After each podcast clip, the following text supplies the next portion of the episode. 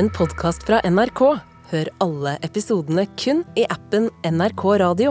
Jeg, husker liksom bare at um, Husker jeg fikk frysning. Jeg husker liksom at det ga meg en altså, fysisk reaksjon. da.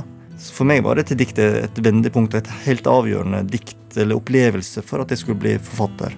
Jeg tror det er en sånn, uh, sånn hendelse som uh, enkelte har. da, som på en måte Etter, den, etter en slik hendelse så, så blir livet annerledes.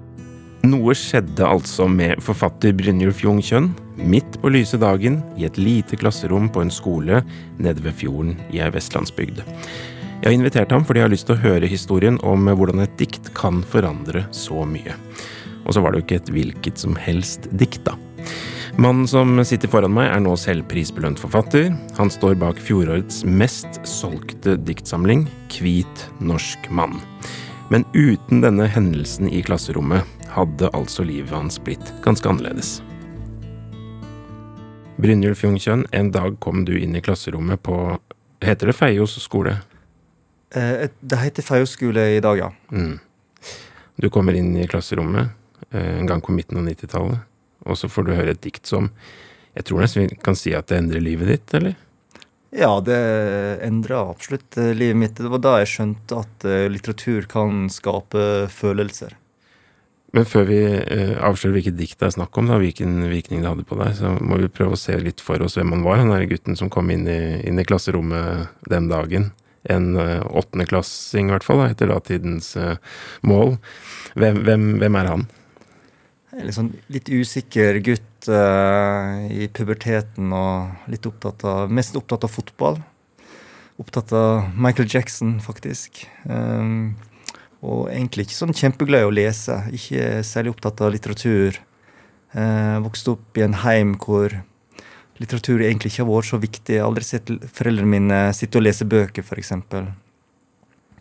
Og som alle andre på min alder, så var ikke jeg heller særlig glad i å, å få så veldig eh, mange skriveoppgaver. Husker vi skulle det var kanskje femte klasse vi skulle skrive dikt til 17. mai. Og jeg liksom, jeg syntes det var en helt forferdelig oppgave. å måtte ha hjelp til, av mamma. Jeg tror vi lette blant gamle dikt. Jeg tror vi fant sånn Inger Hagerup-dikt så jeg ble litt sånn inspirert av. og Jeg skrev litt av. og så jeg husker liksom, det var helt, Å skrive dikt det var helt uh, fjernt. da.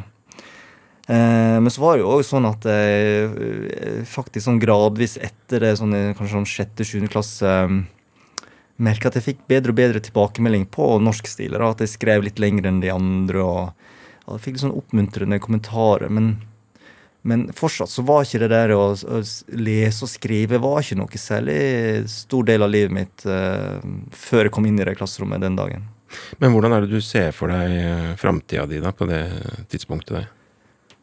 Um, jeg hadde kanskje smått begynt å tenke på eh, det å kanskje være, bli journalist. For jeg hadde vel omtrent på den tiden òg um, begynt å skrive litt uh, Og få litt Jeg tror jeg lagde en sånn særoppgave i norsken om, om, Michael Jackson, da.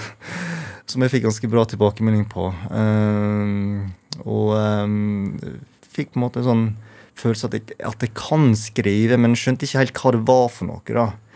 Um, men ellers var jo en slags forventning på den tiden at jeg skulle være odelsgutt og ta over gården. og jeg, jeg, var vel litt sånn usikker på hva jeg skulle bli på den tiden. Så Hvis du skulle fulgt det odelsguttsporet, hva, hva, hva, var det du ville komme til å gjøre da? Hva slags bonde? Nei, det, det, er jo småbruk. Eh, og jeg ser jo for meg, hvis jeg, hvis jeg skulle blitt værende der, så uh, ser jeg for meg at jeg hadde blitt uh, buende på småbruket uten dyr, da. Fordi jeg, jeg har jo mine allergier. Jeg har jo både gressallergi og allergi mot fleste dyr og, og, og melkeallergi. sånn at men det kunne jo blitt buende der og kanskje tatt med en slags utdannelse og kanskje blitt lærer eller et eller annet sånt. Men jeg, jeg, vet ikke om jeg tenkte så veldig mye over hva jeg skulle bli på den tiden. Jeg var nok i en slags um, Eh, det var en periode hvor jeg tenkte veldig mye på hvem jeg var. Også dette med identitet. Sant? At jeg var adoptert, så annerledes ut. Um, uh, var odelsgutt, og de forventningene som var rundt det. Så det var en tid jeg var veldig sånn um, Jeg tror jeg var veldig usikker. Veldig usikker. Ja, for du har fortalt om altså da du ble adoptert. Hvor gammel var du igjen da når du kom? Jeg var tre år. Tre år, ja. Men allerede da var egentlig forventningen da til hva du skulle gjøre, den Den, den lå, lå, der allerede? At du skulle bli gårdbruker? Ja da. altså Foreldrene mine hadde jo venta på å få, få barn i ti-elleve år. Eh, og um, hele slekta venta på denne gutten som skulle bli odelsgutt for slektsgården. Og, jeg, og, de sparte jo navnet til bestefaren min, Bryn, Brynjulfkjønn, til meg, da. Sånn at når jeg kom, så var det jo på en måte en slags forventning om at Brynjulf Kjønn skulle være odelsgutt og ta over gården. Og, og, mye fordi jeg var enebarn. Eh, sånn at eh, det var noe som fulgte meg eh, opp gjennom oppveksten, den forventningen. Min største drøm var jo å bli gårdbruker, da.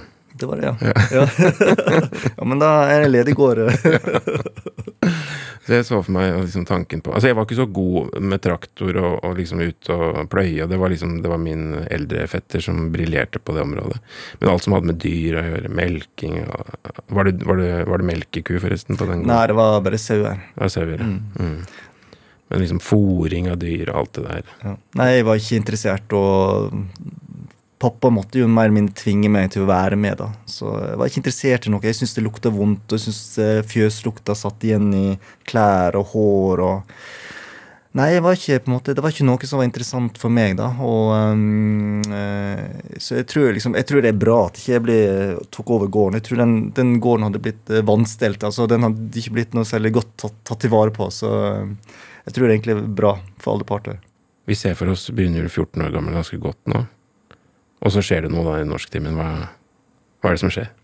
Da um, har vi temaet tema, da. At det er snart 50 år siden andre verdenskrig var slutt. Og uh, norsklæreren har med seg en kassett, kassettspiller som um, han putter en kassett oppi, og så trykker han play, og så hører bare den kraftfulle stemmen til Arnulf Øverland. Og det bare treffer meg, da. Det finnes vel nesten ikke noe mer berømt norsk dikt enn Du må ikke sove, som altså traff Brynjulf Jung Kjønn den gangen. Og jeg er ganske sikker på at det fins setninger i dette diktet som veldig mange i Norge kan utenat, nesten uten å vite det selv. Vi skal finne ut av hva som var konsekvensen for Brynjulf eh, av å høre dette diktet spilt av fra en kassettspiller, og nå skal vi unne oss luksusen av å høre hele Arnulf Øverlands opplesning sammen. Diktet ble skrevet allerede i 1936 som en sterk advarsel mot utviklingen i Europa. Og når vi hører på det, så kan vi jo sende en tanke til fotballgutten som plutselig fikk høre dette for aller første gang. Jeg våknet en natt av en underlig drøm. Det var som en stemme talte til meg, fjern som en underjordisk strøm. Og jeg reiste meg opp. Hva er det du vil meg? Du må ikke sove. Du må ikke sove. Du må ikke tro at du bare har drømt. I går ble jeg dømt. I natt har de reist skafottet i gården. De henter meg klokken fem i morgen. Hele kjelleren her er full og alle kaserner har kjeller ved kjeller. Vi ligger og venter i stenkolde celler. Vi ligger og råtner i mørke hull. Vi vet ikke selv hva vi ligger og venter, og hvem der kan bli den neste de henter. Vi stønner, vi skriker, men kan dere høre, kan dere absolutt ingenting gjøre. Ingen får se oss. Ingen får vite hva der skal skje oss. Enda mer. Ingen kan tro hva her daglig skjer. Du mener det kan ikke være sant. Så onde kan ikke mennesker være. Der fins da vel skikkelig folk iblant. Bror, du har ennå meget å lære. Man sa, du skal gi ditt liv om det kreves, og nu har vi gitt dem. Forgjeves, forgjeves. Verden har glemt oss. Vi er bedratt. Du må ikke sove mer i natt. Du må ikke gå til ditt kjøpmannskap og tenke på hva der gir vinning og tap. Du må ikke skylde på aker og fe og at du har mer enn nok med det. Du må ikke sitte trygt i ditt hjem og si det er sørgelig, stakkars dem. Du må ikke tåle så inderlig vel den urett som ikke rammer deg selv. Jeg roper med siste pust av min stemme. Du har ikke lov til å gå der og glemme. Tilgi dem ikke, de vet hva de gjør. De puster på hatets og ondskapens glør. De liker å drepe, de frydes ved jammer. De ønsker å se vår verden i flammer. De ønsker å drukne oss alle i blod. Tror du det ikke? Du vet det jo. Du vet jo at skolebarn er soldater som stimer med sang over torv og gater, og oppglødd av mødrenes fromme svig vil verge sitt land og vil gå i krig. Du kjenner det nedrige folkebedrag med heltemot og med tro og ære. Du vet at en helt det vil barnet være. Du vet han vil vifte med sabel og flagg. Og så skal han ut i en skur av stål og henge igjen i en piggtrådsbase og råtne for Hitlers ariske rase. Du vet det er menneskets mening og mål. Jeg skjønte det ikke. Nå er det for sent. Min dom er rettferdig. Min straff er fortjent. Jeg trodde på fremgang. Jeg trodde på fred, på arbeid, på samhold, på kjærlighet. Men den som ikke vil dø i en flokk, får prøve alene på bøddelens blokk. Jeg roper i mørket. Å, kunne du høre? Der er en eneste ting å gjøre. Verg deg mens du har frie hender. Frels dine barn. Europa brenner. Jeg skaket av frost. Jeg fikk på meg klær. Ute var glitter glitrende stjernevær. Bare en ulmende stripe i øst varslet det samme som drømmens røst. Dagen bakenom jordens rand steg med et skjær av blod og brann. Steg med en angst så åndeløs at det var som om selve stjernene frøs. Jeg tenkte nå er det noe som hender. Vår tid er forbi. Europa brenner.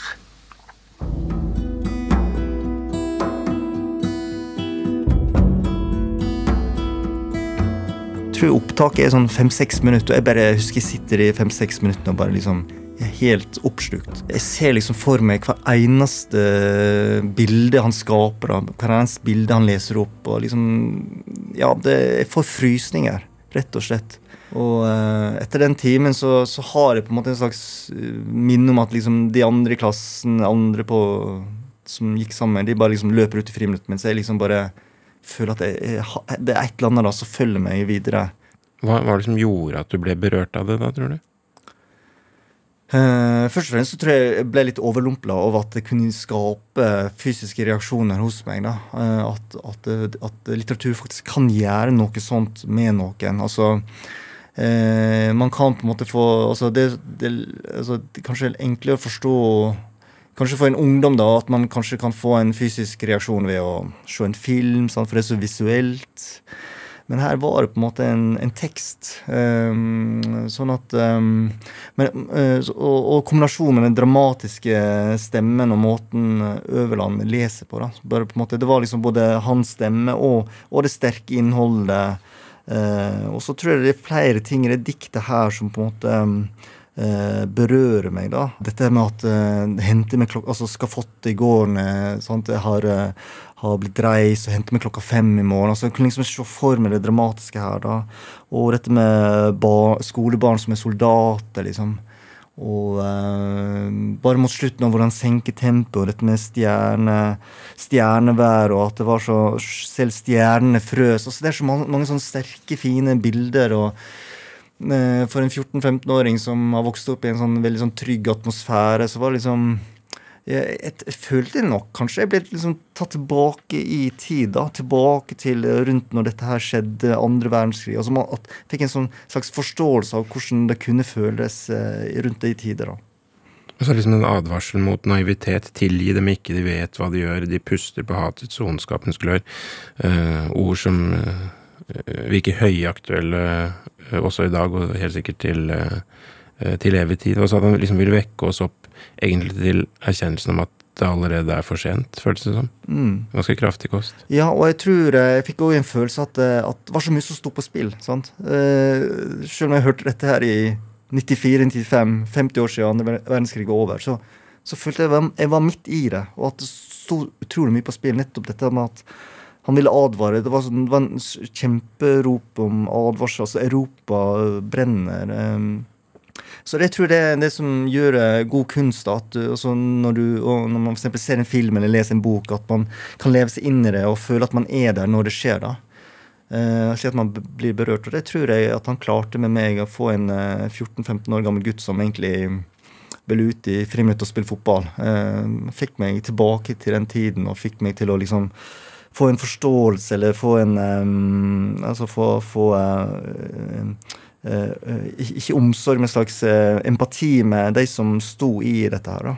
For du ville jo egentlig ut og sparke fotball, du òg? Du ville løpe ut, du òg? Ja, som alle andre gutter på den tiden. Ville jo, ville jo helst at jeg skulle ringe ut til friminutt. Og så ble du sittende? Ja. Så jeg har liksom en forestilling at jeg At liksom eh, alle de andre bare lekte videre. på en måte, Skolen gikk videre, og på en måte, dette gjorde ikke samme inntrykk for de andre. Det husker jeg, på en måte, den, den følelsen. Mens, mens, jeg da hadde hodet fullt av altså kroppen full av følelser og hodet full av tanker. og på en måte hadde på en måte eh, Men samtidig så kan jeg nok tenke meg at det kanskje var litt for flau til å på en måte eh, dele det med de andre. Jeg tror, ikke jeg, jeg tror ikke jeg sa det til noen, at dette gjorde inntrykk på meg. Jeg tror ikke jeg på en måte eh, spurte noen ja, hva syns dere om dette her. på en måte, fordi det med å lese og det med litteratur, litteratur, var på en måte ikke noe som vi snakka noe om, eller eh, Sånn at eh, jeg tror jeg på en måte brukte litt tid på å samle meg igjen, og så var jeg sikkert med i leken etter hvert, eller at Men, men eh, jeg kan tenke meg at jeg var ganske aleine om det, og, og måtte òg litt sånn Syns det var litt sånn Kanskje litt sånn um, voldsomt, voldsomt, å snakke om at, at, det kunne skape en sånn følelse. Da, at, og en følelse at ingen av de andre ville kanskje forstå det på samme måte. da. Jeg tenker på han læreren din da, som uh, tok sjansen på å sette på, på dette her for elevene sine et kassettopptak, Uh, og så flesteparten løpe ut uh, friminutt som om ingenting hadde skjedd. Og hvis han hadde et oppmerksomhet blikk, kunne se én gutt bli sittende igjen svært tankefull, da. Og det var deg. Mm. Hva var liksom de første umiddelbare konsekvensene av å ha hørt dette diktet for din del? For min del så, så endrer det på en måte mitt forhold til litteratur øyeblikkelig der og da. Sånn som jeg husker at jeg samme kveld når jeg kom hjem, så begynte jeg å skrive sjøl. Skrive dikt for første gang. Jeg tror mange må ha noen sånne opplevelser for å på en måte komme i kontakt da. Kontakt med den interessen eller den Eller eventuelt det talentet man har, da. Uh, som f.eks. hvis no, noen første gang ser en danseforestilling, og så skjønner man oi, jeg skal bli danser, eller man er skuespiller og ser en fantastisk film og skuespill og skjønner men det, det, er jo skuespill jeg vil bli. Det er en slags sånn opplevelse, da. Det diktet har hatt for meg. og jeg ser jo for meg at, at jeg kunne fått en lignende opplevelse seinere, sannsynligvis. Men Um, dette framskyndte jo den, den, opplevelsen at, at, fra og med midten av ungdomsskolen, så, så, ble litteratur en ganske viktig del av min identitet og min interesse og, og uh, livet mitt. da. Jeg vet ikke om, skal, om, vi skal si at du har fulgt opp uh, arven fra Øverland med din siste diktsamling, 'Hvit norsk mann'. Men du har i hvert fall truffet mange, og jeg vet at du er ute og snakker til unge mennesker på ungdomsskolen. Treffer du dem? Når du frem til dem? Absolutt. Jeg merker jo at, eh, at, at, det er flere der i hver klasse som, som treffer på en eller annen måte. da. Ser, ser ungdom som ja, og tyr til tårer, som kan, på en måte kan leve seg inn i, i den utenforskap som jeg har følt på, eh, som jeg skriver om i 'Hvit norsk mann'. Og um, det er nok ikke tilfeldig at, at, dette diktet her, 'Du må ikke sove', med den, um, det alvoret og den dramatikken som er i det diktet her, på en måte kan ha betydd en del for ting jeg skriver. Jeg skriver jo bare litt sånn smådramatiske, liksom mørke fortellinger som også har litt håp, da, men det er liksom um, uh, som, jeg, uh, som hvor handling foregår i, i min oppveksttid. da. Um, sånn at jeg tror også det diktet her traff et eller annet i, i meg som en slags um, Den seriøse, den dramatiske, den her, um, det alvorstunge uh, 14-15-åringen da, som um, traff en nerve hos meg, da, som jeg på en måte ja, som, som har fortsatt i forfatterskapet mitt. Jeg trodde dette diktet var mye kortere, egentlig, uh, fordi det er noen få setninger uh, som forbindes så veldig sterkt med det. ikke sant, Dette med at uh, du må ikke sitte trygt i ditt hjem og si det er sørgelig, stakkars dem, du må ikke tåle så inderlig vel den urett som ikke rammer deg selv. Uh, jeg roper med siste pust av min stemme, du har ikke lov til å gå der og glemme. Og sånne setninger som lever helt Eller står helt på egne ben i det norske språk, egentlig. Mm. Hvordan syns du det er å høre disse setningene nå, da? Jeg tenkte nå er det noe som hender, vår tid er forbi, Europa brenner. Hvordan oppleves det å høre det nå? Det som slår meg, er jo at dette her er jo fortsatt veldig aktuelt, rett og slett. Det er jo litt sånn som hvis vi tenker på krigen i Ukraina i dag. altså dette er jo dikt som på en måte er veldig aktuelt fortsatt. altså Ting er veldig tett på oss, samtidig som vi på en måte lever våre liv videre. Eh, men det viser jo òg liksom bare eh, hvor viktig litteratur er da, til, til, til å skape en stemme. til liksom til å fortelle noe, til å formidle budskap når man ser et dikt fra 1937 fortsatt kan være aktuelt i 2023. Brynjulf Jungkjønn, du har altså vært her og delt eh, Arnulf Øverlands dikt Du må ikke sove. Takk for det. Nå er vi altså fremme ved det punktet i denne episoden hvor diktet skal leses i sin helhet for andre gang, og den eh, oppgaven tar jeg på meg med stor eh, ærefrykt. Vi har jo Arnulf Øverland i bakhodet, jeg får bare prøve så godt jeg kan å gjøre det på min måte. Du må ikke sove, av Arnulf Øverland. Jeg våknet en natt av en underlig drøm. Det var som en stemme talte til meg, fjern som en underjordisk strøm, og jeg reiste meg opp. Hva er det du vil meg? Du må ikke sove.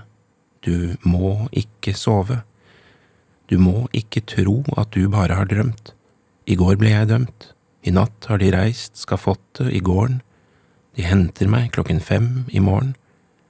Hele kjelleren her er full, og alle kaserner har kjeller ved kjeller.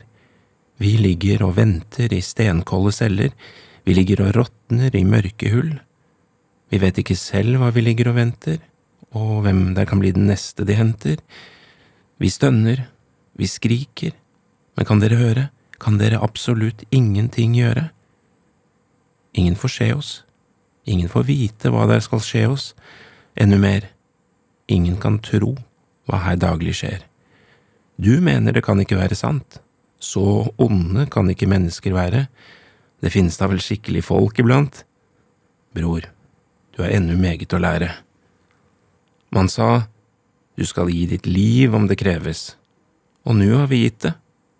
Forgjeves, forgjeves. Verden har glemt oss, vi er bedratt. Du må ikke sove mer i natt.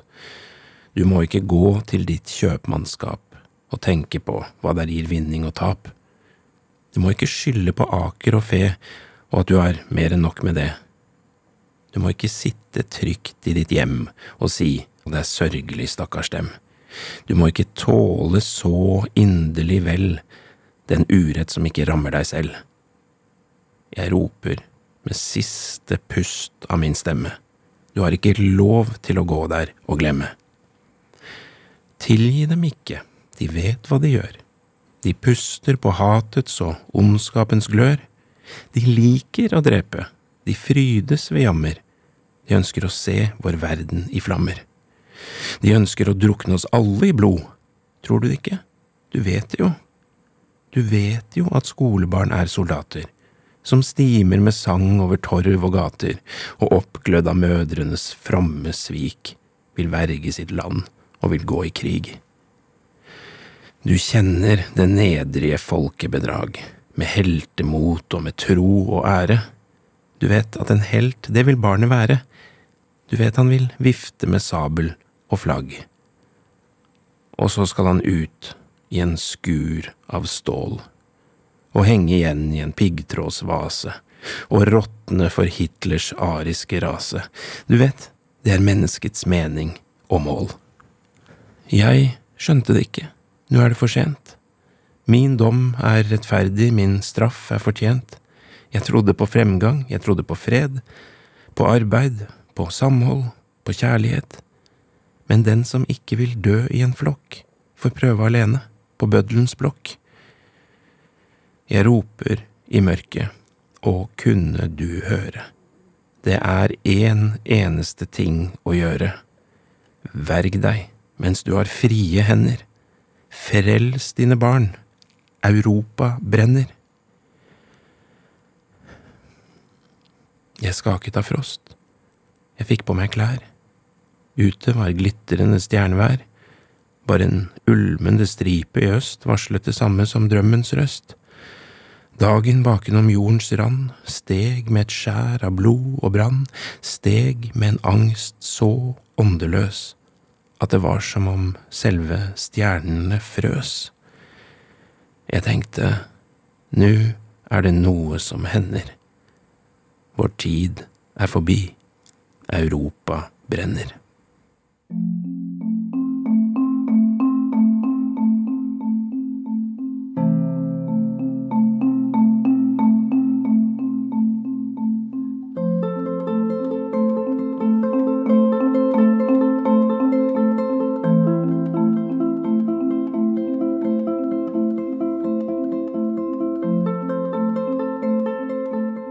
Du har nå hørt Brynjulf Jungkjønn snakke om Arnulf Øverlands lange og kraftfulle dikt, men dette er på ingen måte det lengste diktet vi har presentert i denne podkasten. Du kan scrolle deg frem til episoden der Harald Eia snakker om Henrik Ibsens dikt Terje Vigen, og den episoden heter Ibsen herjer med følelsene våre. Herved anbefalt.